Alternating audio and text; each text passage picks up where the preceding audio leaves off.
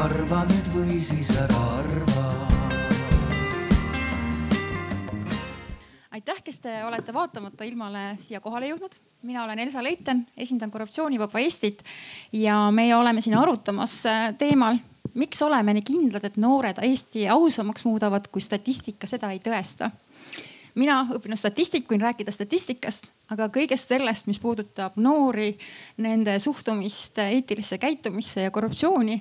Äh, selleks oleme kaasanud siia äh, erinevad spetsialistid kelle juurde me ka kohe jõuame. Ehm, äkki te tutvustate ennast põgusalt ise, enne kui me statistika juurde läheme? tere, mina olen Kadri Org, töötan äh, organisatsioonis Eesti Koostöökogu sellisel ametikohal nagu demokraatia valdkonna ekspert ja äh, igapäevaselt siis tegelen kolme suunaga. Äh, üks on see, et äh, riigikogus inimesed saaksid kasutada oma õigust kaasa rääkida, kohalikul tasandil saaksid kaasa rääkida ja kolmas on siis noorte suund, et erinevaid lahendusi ja sekkumisi teha, et noorte seas demokraatiat edendada ja et nad saaksid selliseid praktilisi kogemusi. tere, minu nimi on Remo Perli ja töötan siis Politsei- ja Piirivalveametis, Keskkriminaalpolitseis äh, korruptsioonikuritegude büroos. ja, ja nagu büroo nimigi ütleb, siis põhitegevus on siis ühelt poolt siis korruptsiooni ennetamine ja teiselt poolt siis juba tagajärgedega tegelemine. aitäh tere, mina olen Liisa Jõnelaine, mina töötan Eesti Noorteühenduste Liidus noorteosaluse spetsialistina. Igapäevaselt tegelen siis osaluskogudega ehk siis noorte volikogudega, noortekogudega, aktiivgruppidega, koordineerides, suunates neid, et siis edendada sellist äh, noorte kohalikku elu, et neil oleks oma omavalitsuses hea elada. tere, mina olen Aive Pevkur. mõtlesin, et äh, mis kandi pealt ma peaks ennast tutvustama, aga äh, ma olen hästi palju õpetanud Äh, koolis äh, õpetanud filosoofiat, siis noortega kokku puutunud. Ülikoolis praegu õpetan ja olen ka ühingu Korruptsioonivaba Eesti liige. nii et selline see suund, et, et noored ja korruptsioon siis. aitäh. kas me saaksime järgmist slaidi, kas meil on olemas selle kohta ka, ei ole? Nii, see on nüüd tegelikult see koht, kus äh, statistik saab rääkida sellest, et äh, statistikat me ikkagi usume, meil ei ole väiksed valed, suured valed, statistika. aga miks see teema tegelikult on ju oluline? me ütleme, et äh, statistika ei näita, et, et noored võiks elu muuta ausamaks no tegelikult, kui me vaatame kõige värskemaid äh, korruptsioonibaromeetreid Euroopa tasandil või ütleme, et Eesti andmeid, siis me, kui me võrdleme nüüd äh, noorte vanusgruppi viisteist kuni kakskümmend üheksa kõikide vanematega, siis näeme kahte erinevat tendentsi. ühtpidi äh, noored vägagi näevad või eeldavad või tajuvad, et korruptsiooni Eestis on ja tegelikult valdavalt isegi rohkem kui vanemad. näiteks kolmkümmend viis protsenti, mis teeb iga kolmas noor arvab, et ettevõtte juhid on korrumpeerunud. iga neljas arvab, et ka riigikogu liikmed on äh, korrumpeerunud. vanemad eagrupid märkavad probleeme rohkem kohalikes omavalitsustes. aga siiski noored tegelikult tajuvad, et probleemid on.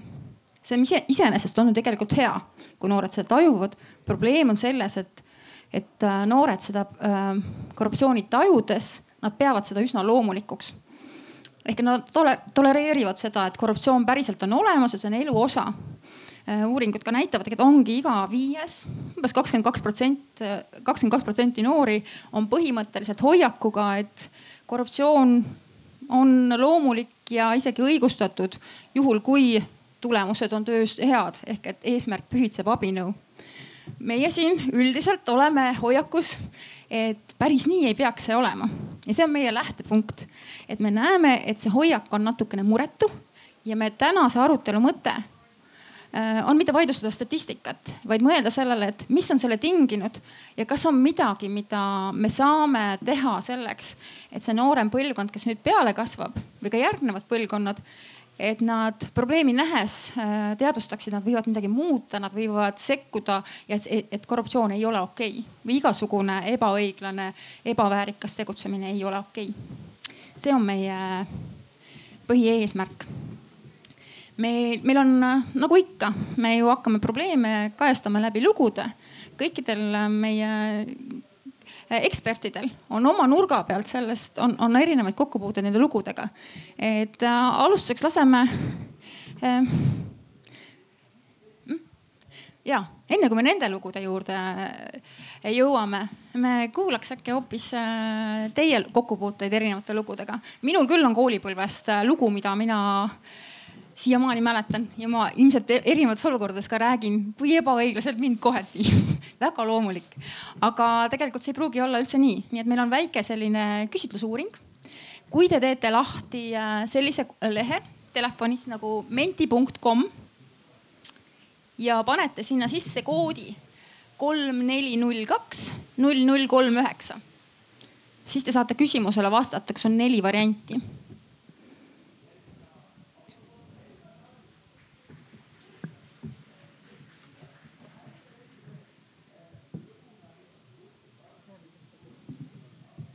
jah, siin on ka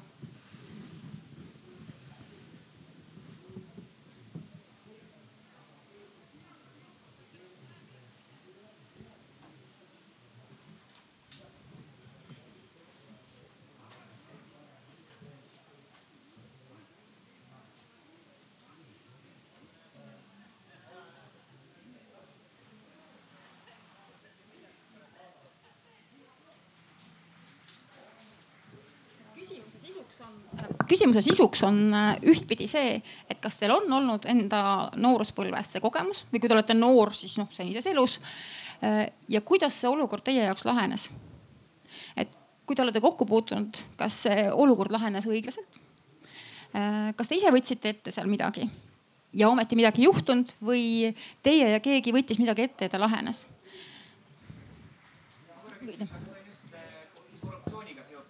ei, ei, ebaõiglus. Selles mõttes korruptsioon on mingi definitsioon, mingi jupp sellest. me räägime üldisest sellist, et ebaõiglane kohtlemine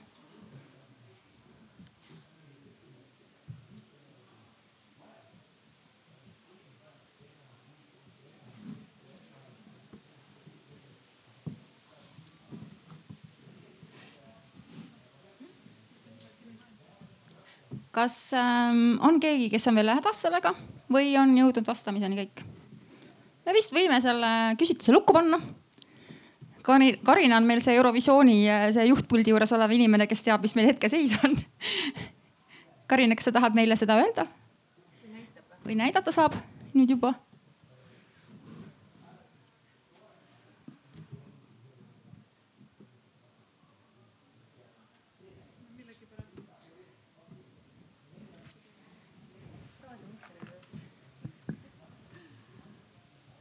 vale mikrofon. aga see millegipärast ekraanile ei ilmunud, küll aga näeme et, et kolmkümmend viis protsenti ei ole kogenud ebaõiglast kohtlemist, mida mäletaks. kolmkümmend viis protsenti arvas, et eh, jah, aga ise ei teinud ega keegi teine ei teinud midagi olukorra lahendamiseks kakskümmend kuus protsenti, et anti ebaõiglasest olukorrast teada, kuid keegi ei aidanud ja vaid neli protsenti ütles, et jah, koges ja õiglus pääses võidule sisuliselt on meil kolm gruppi. kolmega, kellel oli kõik väga hästi, ei olnud sellist lugu, mida mäletaks või teaks, mis on tegelikult hästi, et iga, iga kolmas inimene võib öelda, et mind ei ole ebaõiglaselt koheldud noorena. siis on muidugi üks selline kriitiline kolmik, kolmas grupp, kus äh, anti teada, aga mitte midagi ei juhtunud et see on nagu selles mõttes, et inimene on võtnud ise aktiivse hoiaku, on reageerinud, aga mitte midagi sellest ei saanud. see on minu kogemus ka see on, kõige valusam, ma arvan. ja siis on meil enam-vähem selline kolmas äh, grupp, umbes samasuguse suurusega äh,. kelle, kelle, kelle, kes äh, kelle puhul õiglus jalule ei pääsenud või ta ei teinud ka mitte midagi, ehk ta selline passiivne leppimine olukorraga. ehk mis paljuski tuleb ka meie sellest uuringutest välja, et kui päris paljud noored suhtuvadki sellesse, kui noh, nii lihtsalt on ja noh, midagi ette nagu ei võta et me tegelikult ju tahame ikkagi seda, et see õigluse äh, äh, võidule pääsemine ei oleks neli protsenti, vaid see võiks olla nagu oluliselt suurem. neli protsenti selle inimese hulga juures, seda vist on üks meist siin vist, kes on võib-olla vastates selle, seda niimoodi kogenud. aga läheme lugude juurde ehk et siis sealt läbi jõuda ka mingite äh, lahendusteni. kas keegi publikust tahaks siinkohal mõnda oma lugu jagada? Kõigil on lugusid, me saame aru, et igal kolmandal ei olnud, aga need kaks kolmandikku siin viibijatest on mingisuguse looga oma elus kokku puutunud. võite käega märku anda, siis Karina tuleb siit äh, mikrofoniga. me mõtleme ja ebaõiglast äh, kohtlemist see ei pea olema korruptsioon, seda võib esineda koolielus, noor, noorsootöös, kõiges, kus noor ringi liigub.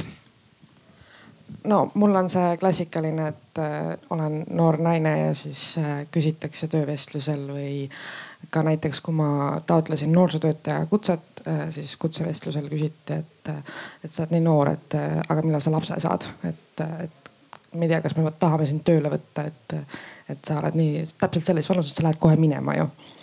sihuke tavakas kahjuks. kuidas see lahenes? Tuletasin meelde, et on ebaseaduslik sihukest asja küsida ja, ja siis vastati, aga ikkagi. aga olid sa siis selle nelja protsendi hulgas, kelle jaoks see olukord äh, positiivselt lahenes? ausalt öeldes ega ma väga ei mäleta, kuidas see lahenes, need olid suht ammu. aitäh. kas on keegi veel, kes tahaks oma lugu jagada või mingi oma näidet?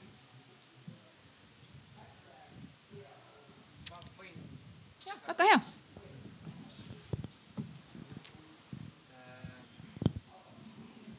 ma ise mõtlesin, see näide ei ole minu, aga minu, minu ütleme klassikaaslaste pealt rohkem põhi, põhikooli pool, kui ähm, et, et on mõned noored, kellel võib-olla ei, ei jõua õppimisega nii kiiresti järele ja siis selle asemel, et, et kuidagi aidata, et, et oleks nagu kõik nagu õiglane, sama, samal tasemel, eh, siis tegelikult nii õpilased kui ka õpetajad toona ja see oli miski, mida mina ei osanud nagu kriitiliselt toona vaadata, lihtsalt tagantjärele nagu mina ja minu klassikaaslased mõtlema, et kuidas see võimalik on, et nagu niimoodi tehakse.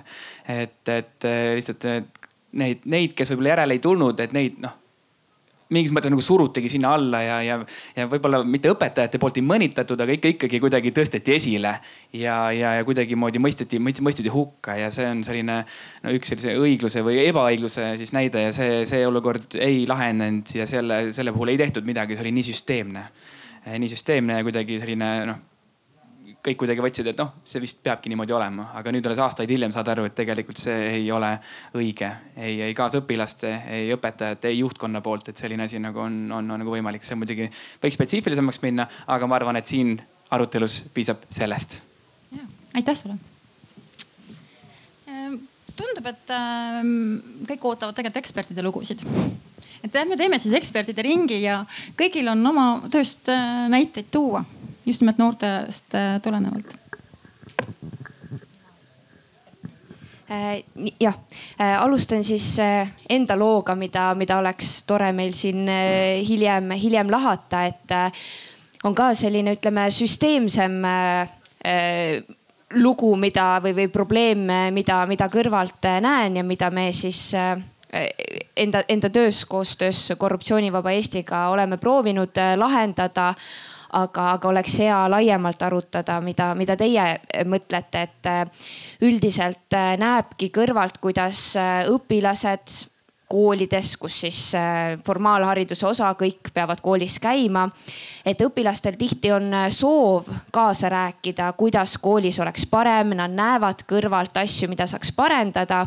aga koolides, kuigi meil on ühiskonnaõpetuse tunnid Äh, siis äh, kohad, kus, äh, kus, kus on riigi nii-öelda õppekavas kirjas, et peaks suunama õpilasi saama aktiivseteks kodanikeks, siis tegelikult see aktiivse kodaniku õpe või, või ütleme, demokraatiaõpe piirdub sellega, et õpet-, õpitakse, mis on meil põhiseaduses kirjas, kes äh, valitseb meil riiki.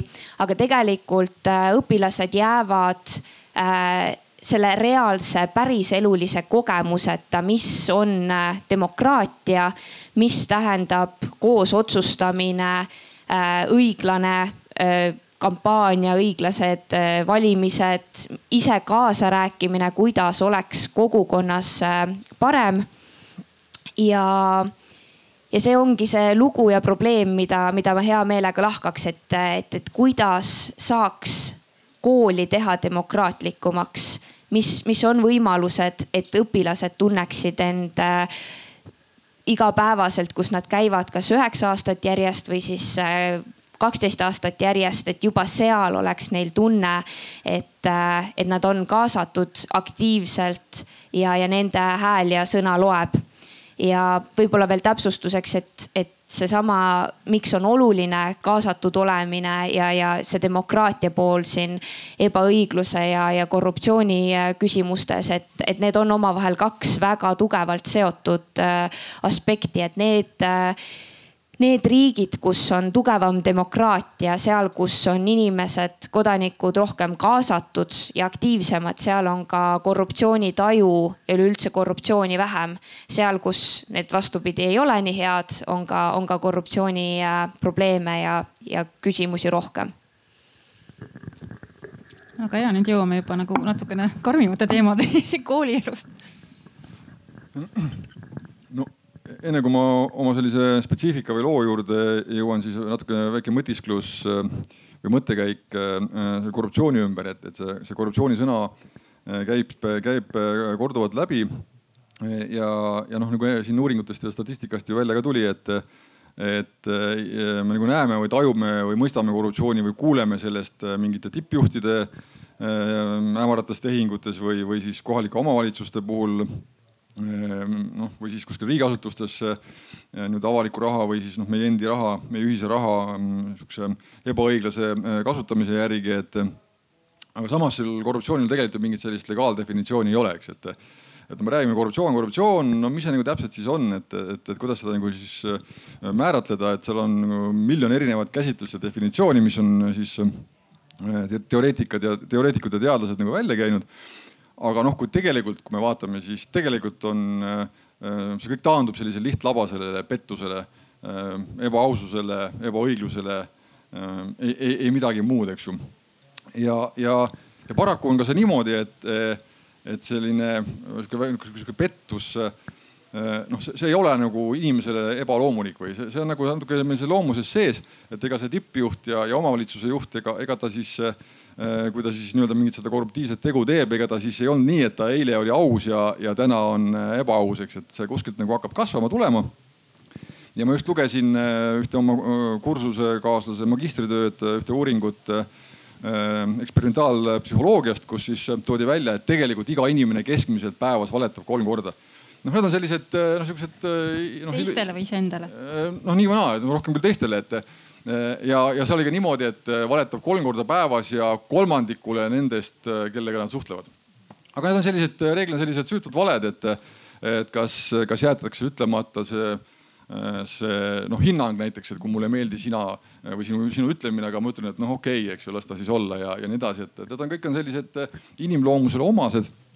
et, et et see ei ole kuskilt, et äkki nüüd tuleb, et, et aga siin tulebki nagu natukene siis mõtiskleda ja, ja, ja arutleda, et, et, et kus see piir siis hakkab nagu minema, et, et kust hakkavad siis tulema need, need valed nii-öelda, mis ei ole need valged või süütud valed ja, ja jõuab selleni välja, et, et siis mingi tippjuht või, või, või riigikogu liige või, või poliitik siis need on korrupeerunud ja, ja lõpuks jõuab siis meie büroo inimeste lauale, noh, mis on siis juba reaalne tagajärg, et, et, et noh, et selles mõttes, et, et see korruptsioonisõna ei, ei tekitaks sellist äh, noh, mingit nagu noh, väga arusaamatut, arusaamatust, siis äh, tegelikult me räägime lihtlabasest pettusest ja, ja, ja ebaõigluse tekitamisest.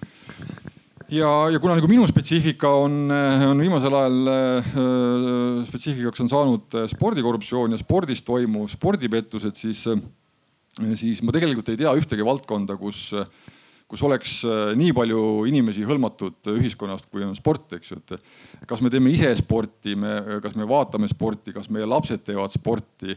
et see on nii suur ala või nii suur valdkond äh, ja, ja seal toimuv, see tegelikult, äh, see tegelikult mõjutab meid, meid nagu väga palju ja igapäevaselt on meie tõekspidamisi ja, ja, ja, ja annab meile lootust või, või vastupidi nagu pettust, et ja ja siin toimuv on täpselt samamoodi, et, et ega noored, kes reeglina sporti tegema hakkavad või spordi juurde jõuavad, ega, ega samamoodi, ega nemad ei ole nii, et nad üks päev on ausad ja teine päev, teine päev mõtlevad, et oh nüüd täna panen dopingut ja, ja, ja, ja saan tugevaks, eks ju. et kus see nagu pihta hakkab, et see jällegi hakkab tegelikult meist, paljugi meist endist pihta väga suured mõjutajad on me ise, meie lapsevanemad, kes on ambitsioonikad, kes tahavad, et, et meie lapsed oleks tugevad, teistest paremad, eks ju.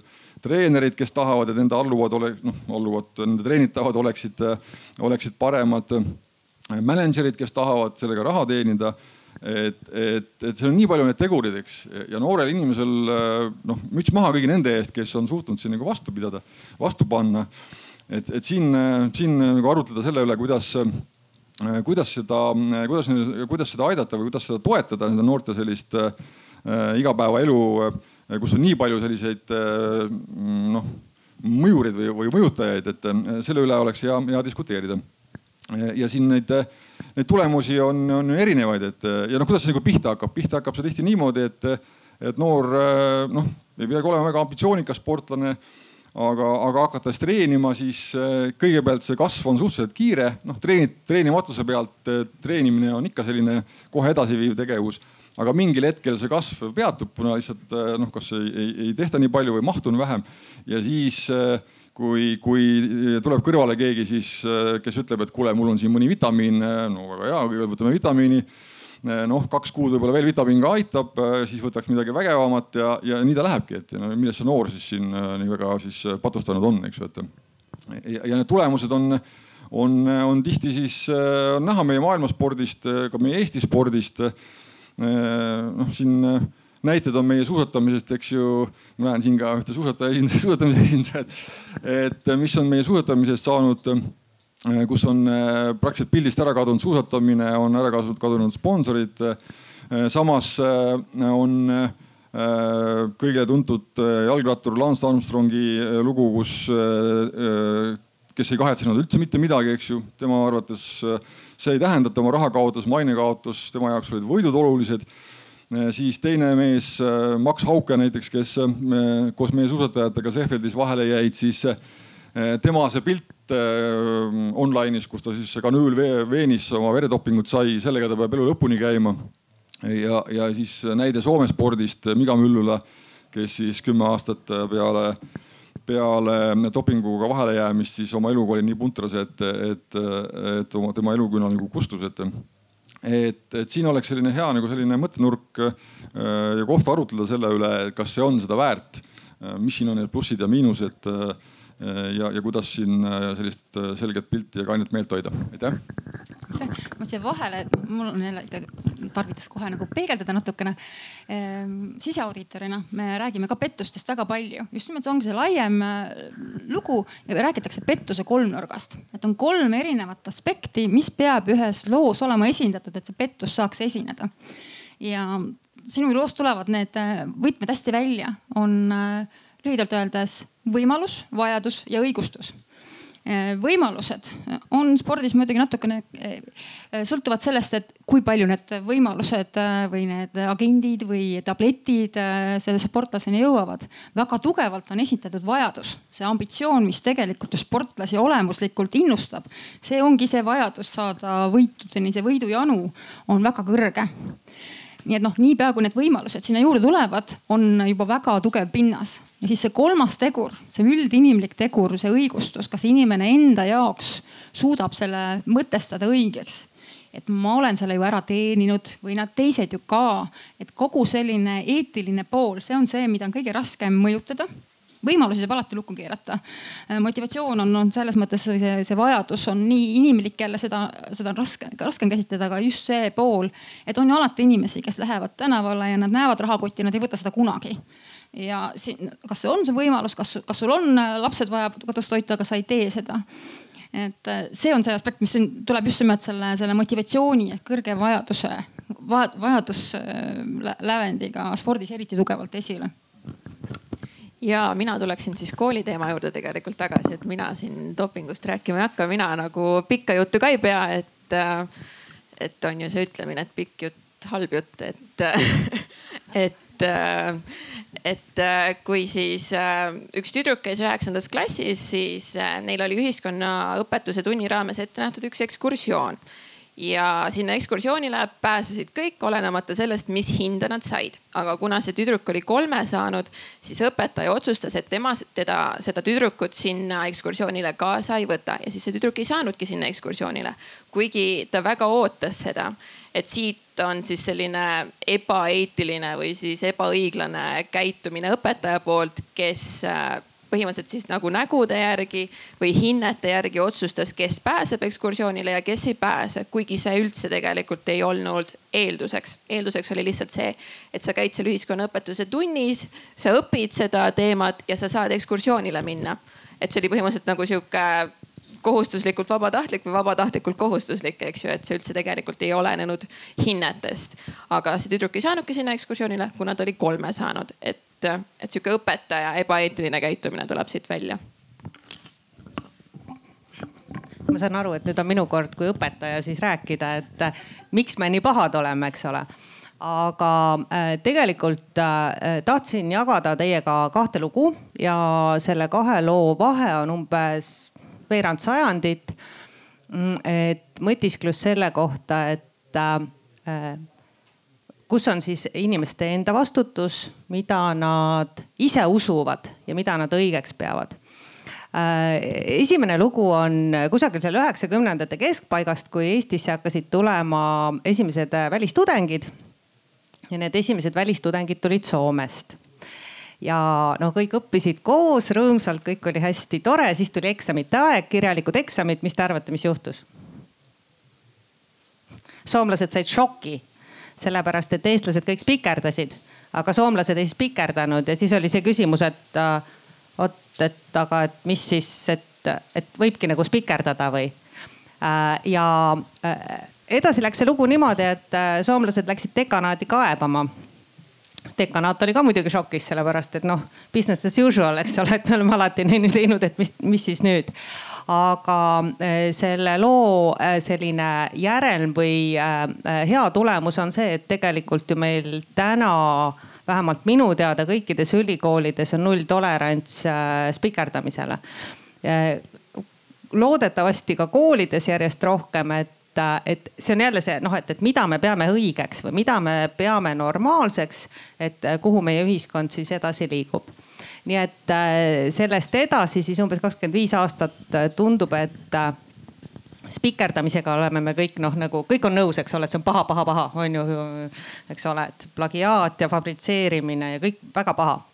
aga edasi on see, et, et aga mis siis on okei okay? ja lugu Äh, jällegi ülikoolist tudengid ja rääkisime tudengitega noh e, eks ole, mis on okei okay,, mis ei ole okei okay. ja kuna minu selline äh, erihuvi on äh, professionaalne tegevus, et mis on just professionaalses tegevuses okei okay., nemad kui tulevased professionaalid ja siis ma joonistasin tahvli peale niimoodi, panin null punkti. et äh, siin, siin te ei saa mitte midagi selle eest, et te pakute professionaalset teenust inimestele ja siis seal teises otsas on lõpmatus. et noh, mis on okei okay,, mida te võtate siis noh klientide käest vastu? no kes ütles šokolaad, kes ütles lilled äh,. üks tüdruk ütles, et noh, auto oleks täitsa okei okay ja no vot ongi, et hästi huvitav on siis vaadata, et mida me siis peame okeiks ja kuidas meie ühiskond põhimõtteliselt nagu liigub ja areneb. nii et, et see on nagu see teema, mida mina hea meelega siin teiega koos edasi arutaksin ja, ja selle üle mõtiskleksin. aitäh. see ongi nüüd see koht, kus me hakkaks nüüd hoopis teiega koos natukene neid asju arutama, et siin neid lugusid on räägitud. meil on äh, kõikidel äh, ekspertidel on oma lugu või oma foon kaasa võtta ja me üritaks nüüd kuidagi grupeeruda niimoodi nelja erinevasse rühma, kus töötada edasi selle teema või uute lugudega. ja eesmärgiks on jõuda selleni, et aga mida siis teha, mitte ei heietaks nende probleemide kallal, vaid otsiks lahendusi kas meil on kuskil mingi hea mm, teemade nurk, et eh, Aivi, hakkad sa endale valima endale kuskilt head nurka, et me saaks ilusti hargneda siia?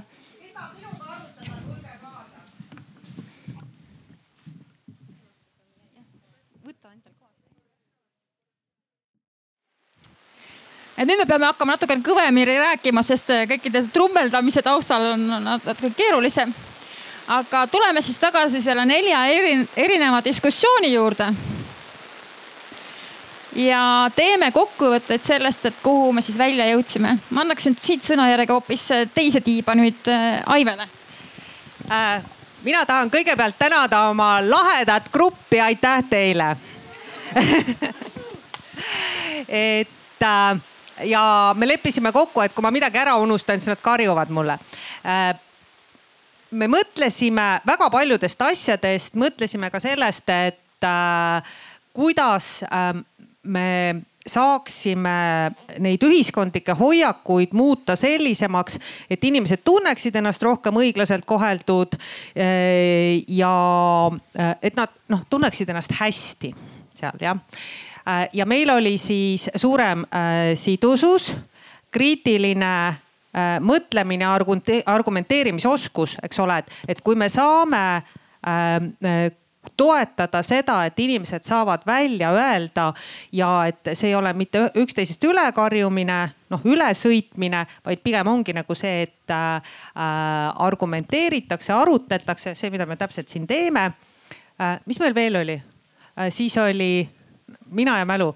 Äh, ja valmisolek vastu tulla üksteisele. et äh, me kuulame rohkem üksteist, äh, me hoolime ja kuna meie grupis olid inimesed, kes olid õppinud Rootsis, siis meil oli ja, ja meil oli ka Soome kogemus, nii et me saime ka võrrelda seda, et, et võib-olla Eesti Eesti puhul me võiksime natuke lõdvemalt võtta, et me ei pea seda nii-öelda paneme akadeemilise sinna ette sulgudesse või, või nendesse jutumärkidesse akadeemilise edu kultust niivõrd äh, äh, arendama. ja seeläbi me saame kuidagi selle, et, et, et me näeme nagu pigem inimest ja siis äh, äh hindame igat inimest, eks ole nii et, et äh, ja see iga inimese hindamine, see ongi siis seotud sellega, et, et vaadatakse äh, tema enda häid omadusi ja oskuseid, sealt tekib sidusus. see äh, aitab kaasa sellele, et arutletakse, analüüsitakse rohkem. kas ma nüüd nimetasin kõik ära? võib-olla üks asi, kui me lahendusest rääkisime, siis selline nagu see märtsanase süsteemsus, et üks asi muidugi, üks asi muidugi, et selline, et ütleme just haridussüsteemis, et õpilased ise ütleme, ütleme kuidagi toetada, aga just see, et see soodustamine süsteemi õpetajate juhtkonna poolt, et, et kas nad aktsepteerivad, aktsepteerivad seda, et me nüüd ei vaata ainult fakte, aga me nagu sünteesime neid, kas me, kas me kuidagi toetame seda, kas me oskame seda hinnata, kas me oskame sisuliselt vaadata seda, et nagu, toetada noori selles, et nad saaksid ennast arutlevateks valmisolek, jah, valmisolek muutusteks jah, jah, jah, jah jah, et äh, need inimesed, kes ükskord hakkavad süsteemi looma, et nemad oleksid siis igatpidi äh, roosad, rõõsad ja sinisilmsed. see oli, need olid enam-vähem meie teemad, aga, aga väga huvitav arutelu, nii et kõik teised, kes teistes gruppides osalesid, et te siis tunneksite kahjatsust, et te meiega kõnelema ei tulnud kus sa tead, mis teistes toimus. mina olin selles järgmises, millest kohe Kadri räägib, see oli jube huvitav, mul endal läks juba silmad särama seal, et Kad,. Kadri sellest ei, ei räägi, mina ja, räägin ja. sellest ja et, et kui mul midagi meelest ära läheb, et sa võid mind täiendada, et meie jõudsime otsapidi siis äh, noorte arvamuse avaldamiseni ja noorte kaasamiseni. Erilane lendab siin, et äh, oli siis selline juhtum, et kus seitsmendas või kaheksandas klassis käiv noor siis äh, oli õpilasesinduses ja neil paluti siis äh, kooli õpilaste poolt äh, valida lemmikõpetaja ja lemmikõpetajaks loomulikult valiti see õpetaja, keda oli siis mitu korda järjest juba valitud, sellepärast et ta lihtsalt oli nii tore õpetaja. aga siis kooli direktor ikkagi kuskil tagatoas otsustas, et et ei, et seda õpetajat ei saa valida, sellepärast et ta on juba olnud ja siis valiti keegi teine õpetaja aga samal ajal see noor, kes seal siis õpilasesinduses oli, see kolmeteist, neljateist aastane, ei osanud tol hetkel äh, mõelda selle peale, et see oli selline ebaeetiline või ebaõiglane käitumine. ja siis me jõudsimegi välja selleni, et äh, noorte käest tuleb seda arvamust äh, küsida juba väga varases eas, et näiteks lasteaialapselt küsida, et kas sa tahad siia liivakasti või sa tahad siia liivakasti. kas sa tahad siia punaseid lilli või sa tahad siia siniseid lilli. et äh, mida vanemaks sa saad ja mida rohkem sinu käest seda arvamust küsitakse, siis sa oskad ka seda arvamust avaldada, oma mõtteid välja nagu öelda ja neid mõtteid formuleerida ja sa oledki ise kaasatud, sellepärast et kui noort ei kaasata ja siis ühel hetkel küsitakse tema käest millegi kohta mingit arvamust, siis ta ei oskagi seda arvamust avaldada, oma mõtteid formuleerida, seda välja öelda, sest teda lihtsalt ei ole kaasatud. et äh, noori tuleb kaasata äh,, noori tuleb äh,, nende arvamusega tuleb arvestada, sisendit tuleb küsida, aga sellele sisendile tuleb ka tagasisidet anda. et kui noore käest küsitakse, et ma ei tea, kas sa tahad, et siia tehakse, ma ei tea, mingi veekeskus või mingi mänguväljak. Nad ütlevad jah, aga kui seal taga ei ole ka neid tegusid, siis ühel hetkel noorele tundub see, et aga miks minu arvamus üldse oluline tegelikult on, et kui sellest mitte midagi ei sõltu ja mitte midagi ei muutu.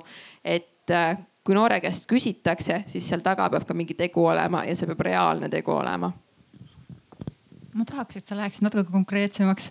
meil olid tegelikult kerkisid väga head äh, sihtgrupid, kellega võiks kooli kontekstis äh, tööd teha ja mil viisil. see olid täiesti äh, kasvavad äh, koostööprojektid et äkki sa räägid lähemalt, et kelle, millised on need sihtgrupid, äh, kellega me nägime, et võiks teha nagu sellist harimistööd enne õpilasi ja kuidas seda teha?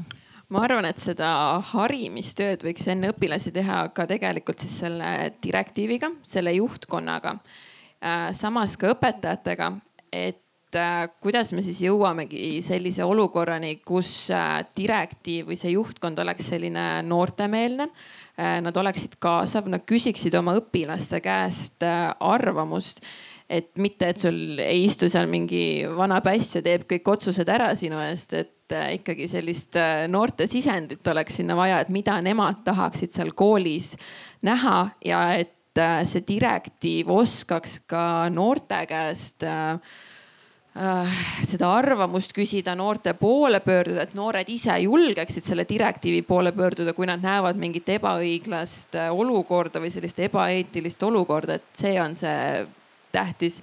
aga samas me jõudsime ka selle lahenduseni, et vabaühendused peaksid äh, koolidega tegema sellist koostööd, et pakkuda noortele erinevaid valikainete võimalusi näiteks, et kuidas siis seda äh,, kuidas ühiskonnas äh, olla kaasatud, kuidas ise ühiskonnas kaasata, kuidas mingid protsessid toimuvad, et pidevalt seda õpetada noortele, sellepärast et ühiskonnaõpetuse tund on ju tegelikult ainult äh, mingites astmetes, et see on ilmselt kas siis kaheksas, üheksas, üheteistkümnes, kaheteistkümnes, et on nagu väga vähe. aga ühiskondlikud protsessid ju toimuvad äh, igapäevaselt et noored saaksid aru, kuidas need protsessid toimuvad, kuidas nemad saavad olla kaasatud nendesse protsessidesse, kaasavasse eelarvesse, kuidas nad saavad oma sõna sekka öelda, et, et pidevalt ikkagi olla kaasatud ja et nad saaksid oma sõna sekka öelda, et sellised olid need koostöövõimalused, mis me mõtlesime ma annaks isegi äkki, äkki tegelikult grupi, meil oli väga väike grupp, et sealt oli aktiivselt, tahad sa midagi lisada, midagi, mis jäi äkki veel ütlemata? Mm. -hmm.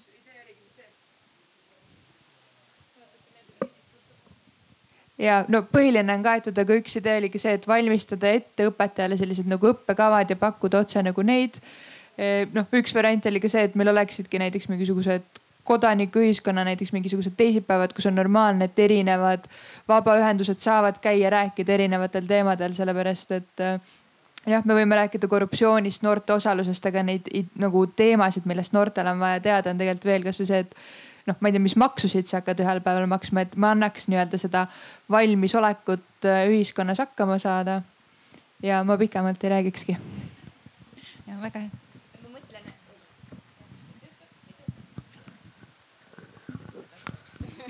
nii, nüüd on kuulda mõtlen, et, et kuna need teemad meil äh, haakusid, et äkki siis ma kohe võtaks, lisan täiendust, et, et kõigepealt meil, minul oli ka väga vapustav tiim, et, et, et siin ikkagi enda poolt kiita, et, et olid väga äh, nii toredalt kokku saanud just selline ideaalne näide kuidas üks kool võiks toimida ja teiselt poolt siis teine näide, kuidas äh, ütleme nii hästi ei toimi ja siis oli veel kolmas, mis oli täitsa selline rahvusvaheline kogemus veel juures, kuidas, kuidas Iirimaal asjad käivad.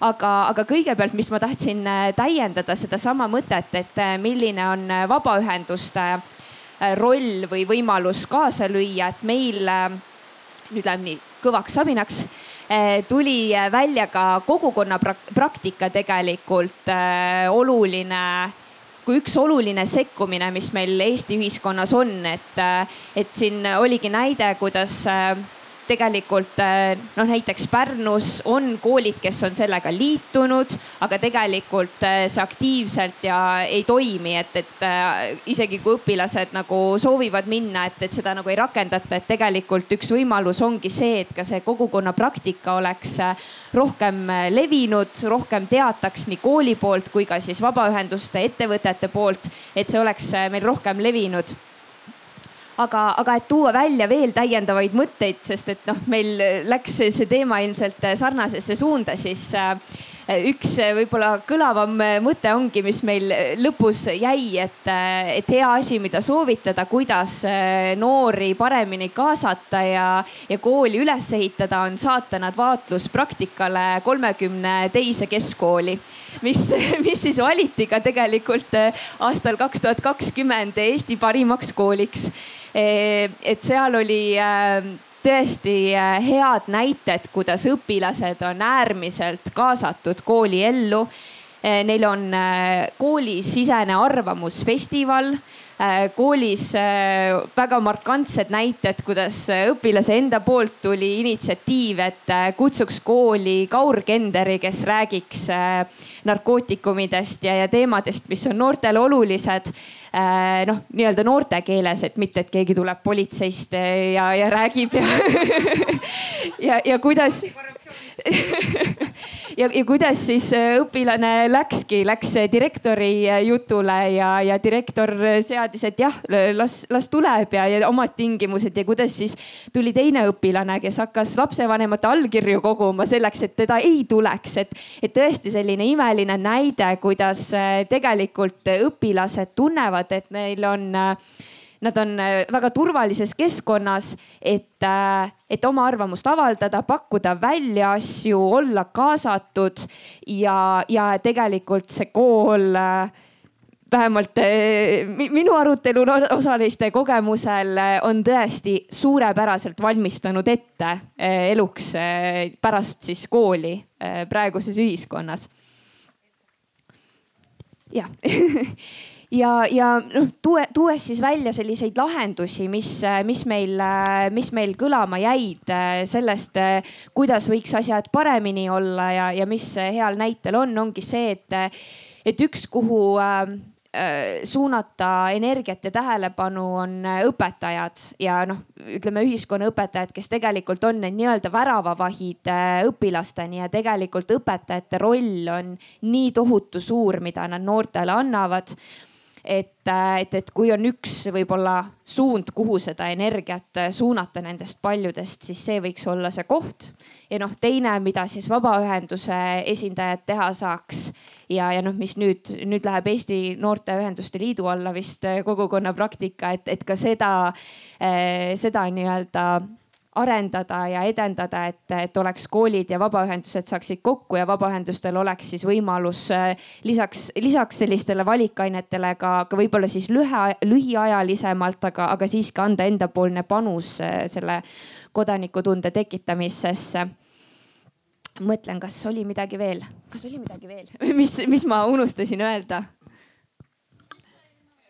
vist sai kõik? ma korra siin selle vabaühenduste poole peal ma toon välja, me pakkusime välja mõtte, et need vabaühendused võiksid anda siis selliseid valikaineid, kus nad käivadki ja tutvustavadki, mida nad teevad. üks valikkursus välja üks töötada ja siis selle raames käia niimoodi, et siis koolil on nagu saab tervikpaketi, nad saavad osa ja see oli väga hea idee et, et niimoodi seda kuidagi siis lahendada. nagu koostööprojektina ütleme vabaühenduste vahel. väga hea mõte et mul on kohutavalt hea meel kuulata, et äh, nende teiste gruppide arutelu, sest meie grupis oli ainult üks õpilane. et ülejäänud olid kõik juba ka ülikooli läbi käinud ja üks teema, mida me arutasime, on seesama, et noh, kuidas öelda, kuidas sekkuda, kuidas noh leida endas seda äh, noh, mitte ka ainult julgust, vaid ka noh oskust välja öelda ja te siin pakute kohe lahendusi välja, nii et äh, imeline meil oli kaks projekti, ühiskonnaõpetajad ja juhtkond on täitsa eraldi teema et ilmselt, ilmselgelt, eks ju, meil siin vabaühendused saavad hiljem seda veel omavahel neid värskeid mõtteid setitada, aga, aga mõtetega edasi minna. ma siin annaks ikkagi nüüd sõbra, läheks nagu koolist välja spordi juurde, noh koolisport ka, aga siiski see, need teemad vist läksid teil ikka koolivälisemaks. jah ehm, ma ei tea, kui, kuidas see mõõdupuu siin on nüüd tiimide vahel, et kellel see kõige parem oli, aga. sport võidab aga meil oli igal ka väga, väga vägev tiim, tiim ja kuna ja kuna äh, tiim koosnes ka enamus äh, spordi, spordiga väga seo lähedalt seotud inimestest, siis mõte läks uljalt lendama, et äh, ilmselgelt jäi nagu aega puudu. et, et lõpplahendusteni jõuda. aga, aga, aga kuna jah, sport on selles mõttes selline no nii suur valdkond ja, ja, ja, ja hästi palju sellist nii-öelda sihukest spordipahet juhtub just harrastusspordis, kus meil hästi palju on oleme me ise nagu hõlmatud, siis siin sellist nagu noh, kahekümne nelja tunni otsust on, on nagu raske teha, et et, et noh, nagu inglased ütlevad, et džentelmeni kasvatamine algab sada aastat enne džentelmeni, džentelmeni sündi. et, et see on nagu selline põlvkondade, põlvkondade teema. ja üks pool kindlasti nagu sina ütlesid, et on, on siin õpetajatel ja, ja, ja treeneritel hästi suur osakaal, et, et noh, alates siin juba, juba väikestest klassidest kehalise kasvatuse õpetaja noh, ega, ega, ega ju ei räägita, et mida ei tohi, mida tohib, pigem räägitakse, et ole kiirem, hüppa kaugemale, mis on magad, nii aeglane. et noh, juba sealt hakkab see nagu see surve pihta, et, et noh, mis tegelikult noh, on juba üks tõuge sinnani, et, et me lõpuks siis räägime siin, siin äh, veerpalude dopingujuhtumist või, või, või, või, või, või ka teistest, et, et juba sealtpoolt on vaja sellist äh, Äh, sellist natukene kasvatust äh, alustada. noh, kui me räägime ju liikluskasvatusest politsei vaates, siis me tegelikult ju hakkame seda ju lasteaedades tegema. teeme seda põhikoolis, teeme seda ka gümnaasiumis ja, ja kui noor lõpuks siis kooli lõpetab, siis äh, siis tegelikult ta enam-vähem neid reegleid teab ju, mis, mis, mis ohud ja mis riskid on liikluses.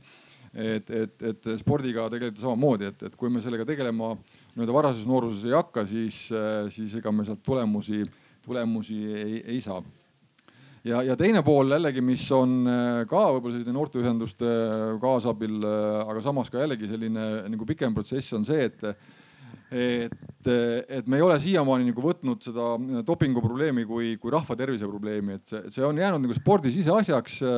ise tehke, noh paljud ametnikud, mis paljud, aga, aga nii mõni ametnik on mulle ütelnud, et las krõbistavad, et, et see on nende enda asi, et, et aga, aga tegelikult ju, mis, mis see tulemus on, see tulemus on on tervisekahjud äh, iseendale, see tulemus on äh, uuringute näitel koduvägivald, äh, naise peks, laste peks, siis noh edasi minnes väärarengud ja nii edasi ja nii edasi, et see tegelikult on puhtalt rahvatervise probleem. see ei ole väiksem probleem kui alkoprobleem, see ei ole väiksem probleem kui narkoprobleem. et, et selline riigi selline mm, lähenemine peaks olema täpselt võrdne nende olemasolevate probleemidega, et, siis me saaksime nagu Äh, hakata seda, nagu välja nagu juurima, et, et noh, sellised äh, mm, noh nagu laiapõhjalisemad lähenemised. aga, aga noh, kuna ma oma nagu sellisest äh, tööst lähtuvalt näen sinna sisse nagu natukene rohkem, siis tegelikult ma võin julgelt öelda, et see, see olukord on ikkagi väga-väga hull. ja just seda just harrastusspordis ja, ja, ja tuues siia välja näiteks naaberriikide kolleegide näiteid, kes on äh, kes on äh, just harrastusspordiga tegelenud, siis äh, need arvud näitavad, et, et see, see dopingu tarvitamine, nende ainete tarvitamine läheb järjest-järjest äh, nooremate kätte. juba kolmteist, neliteist lähed sihukest hasarti täis noor, lähed jõusaali, kaks kuud teed trenni, lähed vähe nagu sihukeseks jämedamaks aga sa näed, kõrval teine mees on veel jämedam, noh, ma tahan ka, eks ju, siis alguses vitamiin aitab ja, ja, ja pärast mingid uuema ained. Et, et selle nagu kokkuvõttes on see, et, et, et sport on meil mille jaoks, eks ju, sport on selle jaoks, et et me oma tervist parendaksime, et me, et me tervislikult elaksime, et me, me kauem elaksime. aga doping on see, mis tegelikult nii-öelda siis tegutsedes tervislikult, tehes terve, tehes sporti, aga kasutades dopingut, me tegelikult tapame ennast, eks ju. me tapame seda tervist, me tapame ennast, me tapame, tapame oma järeltulijaid. Nii et, et see on selline valdkond, mis, mis praegult on sellistes nii-öelda lapsekingades, noh selle vastane tegevus. aga ma loodan siis nii, nii täiskasvanute toele kui, kui ka siin tublid noored aktiivsed ümberringi äh, aitavad, et, et see olukord, noh, kui me üks aasta pärast võib-olla siin räägime, kahe aasta pärast, siis meil on juba mingitest sammudest rääkida ja, ja kümne aasta pärast äh, näeme ka siis tagajärgi, aitäh. ma saan aru, et teie grupp jõudis ka vajaduseni teha mingit äh, koostööd. no siis me tegelikult ju otsime lahendusi, kuidas need noh, noored sportlased muutuksid ausamaks ja eetilisemaks. jälle aga, koostöö. ja aga äh, meie grupis tegelikult me alustasime hoopis sellisest asjast nagu Eesti ühiskonna edukultus. et see surve olla edukas ja ma saan aru, et noh, teie grupis oli seesama teema tõusetus, et, et ma noh, ma, ma pean olema silmapaistev. kõige kurvem oli seda kuulda, et äh, juba algklasside lõpus, et äh, nüüd ma olen autahvlil. aga mis siis saab, kui ma enam ei ole autahvlil? et kus inimeste väärtustamine toimub kusagilt äh, noh mulle lihtsalt meeldis, kui sa ütlesid, et noh, et kõrval on veel jämedam.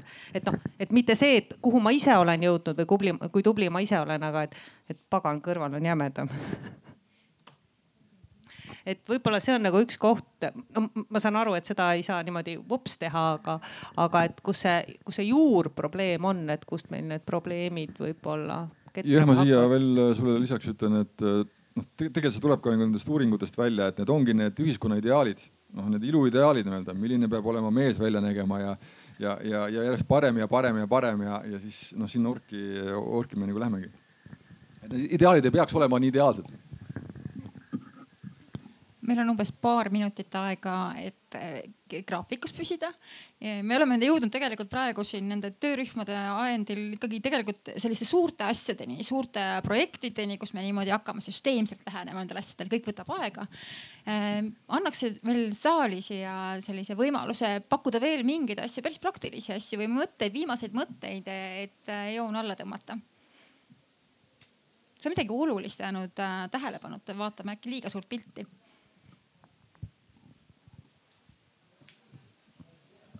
ma kuulasin pealt seda gruppi korraks paar sõna, et mulle meeldis see mõte, et äh, ülikooli pürgimine, see on tore ja positiivne, aga ma tahaks seda rakenduskõrgharidust näha sama huvitavana. Ja siis võib-olla need ideaalid iseenesest lähevad ka paika, kui on tegutsemine. ehk siis mul on rakendusharidus, ma lähen kutsekooli, ma õpin elukutset see, mis mind kõnetab. ma lähen õpin kutse, tunnen huvi näiteks mehaanika vastu, keevitamise vastu ja siis võib-olla tahan ülikoolis õppida sildasid, kuidas planeerida, aga mul on juba teadmised ja kutseoskused ja praktika ja töötamise kogemus. et ma ei lähe kõrgkooli lihtsalt sellepärast, et kõik ootavad seda et edu, eduelamus, kui me siin juttu oli, et see võib väljenduda päris erinevates asjades, see ei pea olema tingimata see äh, tippspordis äh, esikoht või ülikoolis äh, hea positsioon, et see edukus või, või no elamus elust või see võib realiseeruda kuskil teistmoodi ja seda on võimalik ju ka mõjutada nende teiste alternatiivide paremal selgitamisel jah. see on nii hea mõte iseenesest Mhm. ja võib-olla see koostöö äh, kodanikuühendustega, et see ei pea piirduma nüüd ainult nii-öelda kodanikukasvatuses, vaid noh, palju laiemalt. Et millega üldse Eestis tegeletakse ja siis avastad, et sinu kutsumus on kusagil mujal, et ei pea olema edukas. ja, Kadri et ma tahtsin ka ühe asjaga täiendada siin lõppu veel, et, et, et kui me, me arutasime ja rääkisime sellest, et mida kool saaks teha aga, aga ma küsisin ka siis äh, osalejatelt, kelle kool ei olnud nii äh, ideaalne nagu kolmekümne teine esimene, teine, teine keskkool. et, et mis on need, äh, mis, mis teid on suunanud olema ikkagi aktiivne kodanik ja sealt tuli välja, et, et näiteks perekonnas vanem õde, kes on üksteist aastat vanem ja kes on aktiivne ja, ja on suunanud olema või, või siis elukaaslane, kellega nüüd, et kui varem koolis küll ei olnud seda et, et, et miski nagu soodustaks aktiivne olema, aga, aga oled elus leidnud endale kaaslase ja siis leiad selle sädeme, et, et lihtsalt võib-olla tuua, tuua selle koostöö mõtte juurde see, et, et see aktiivseks kodanikuks kasvamine ja, ja üleüldse see laiem kultuuriline nihe, et, et see, see on nagu sõltub meist kõigist ja, ja tegelikult me noh, ütleme, et on mingid keskused, kus neid saab paremini soodustada aga tegelikult on iga, igal inimesel erinevates suhetes võimalik äh, olla kellelegi selliseks äh, inspiratsiooniks, et ta hakkab äh,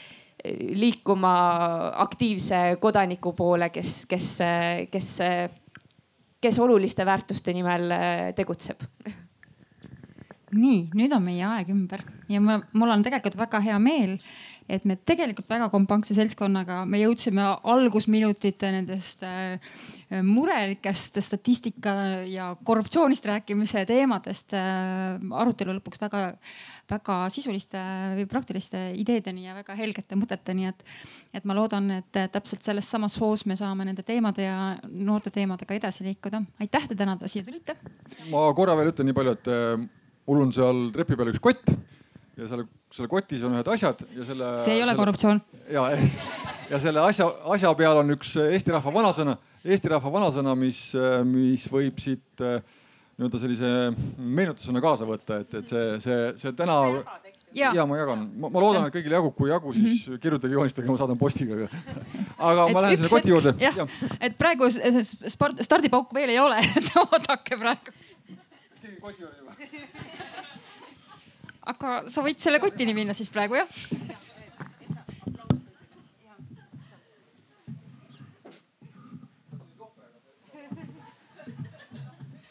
aga võtame siis kokku ja teeme ühe aplausi meile kõigile, et me sellesse panustasime, aitäh. selge see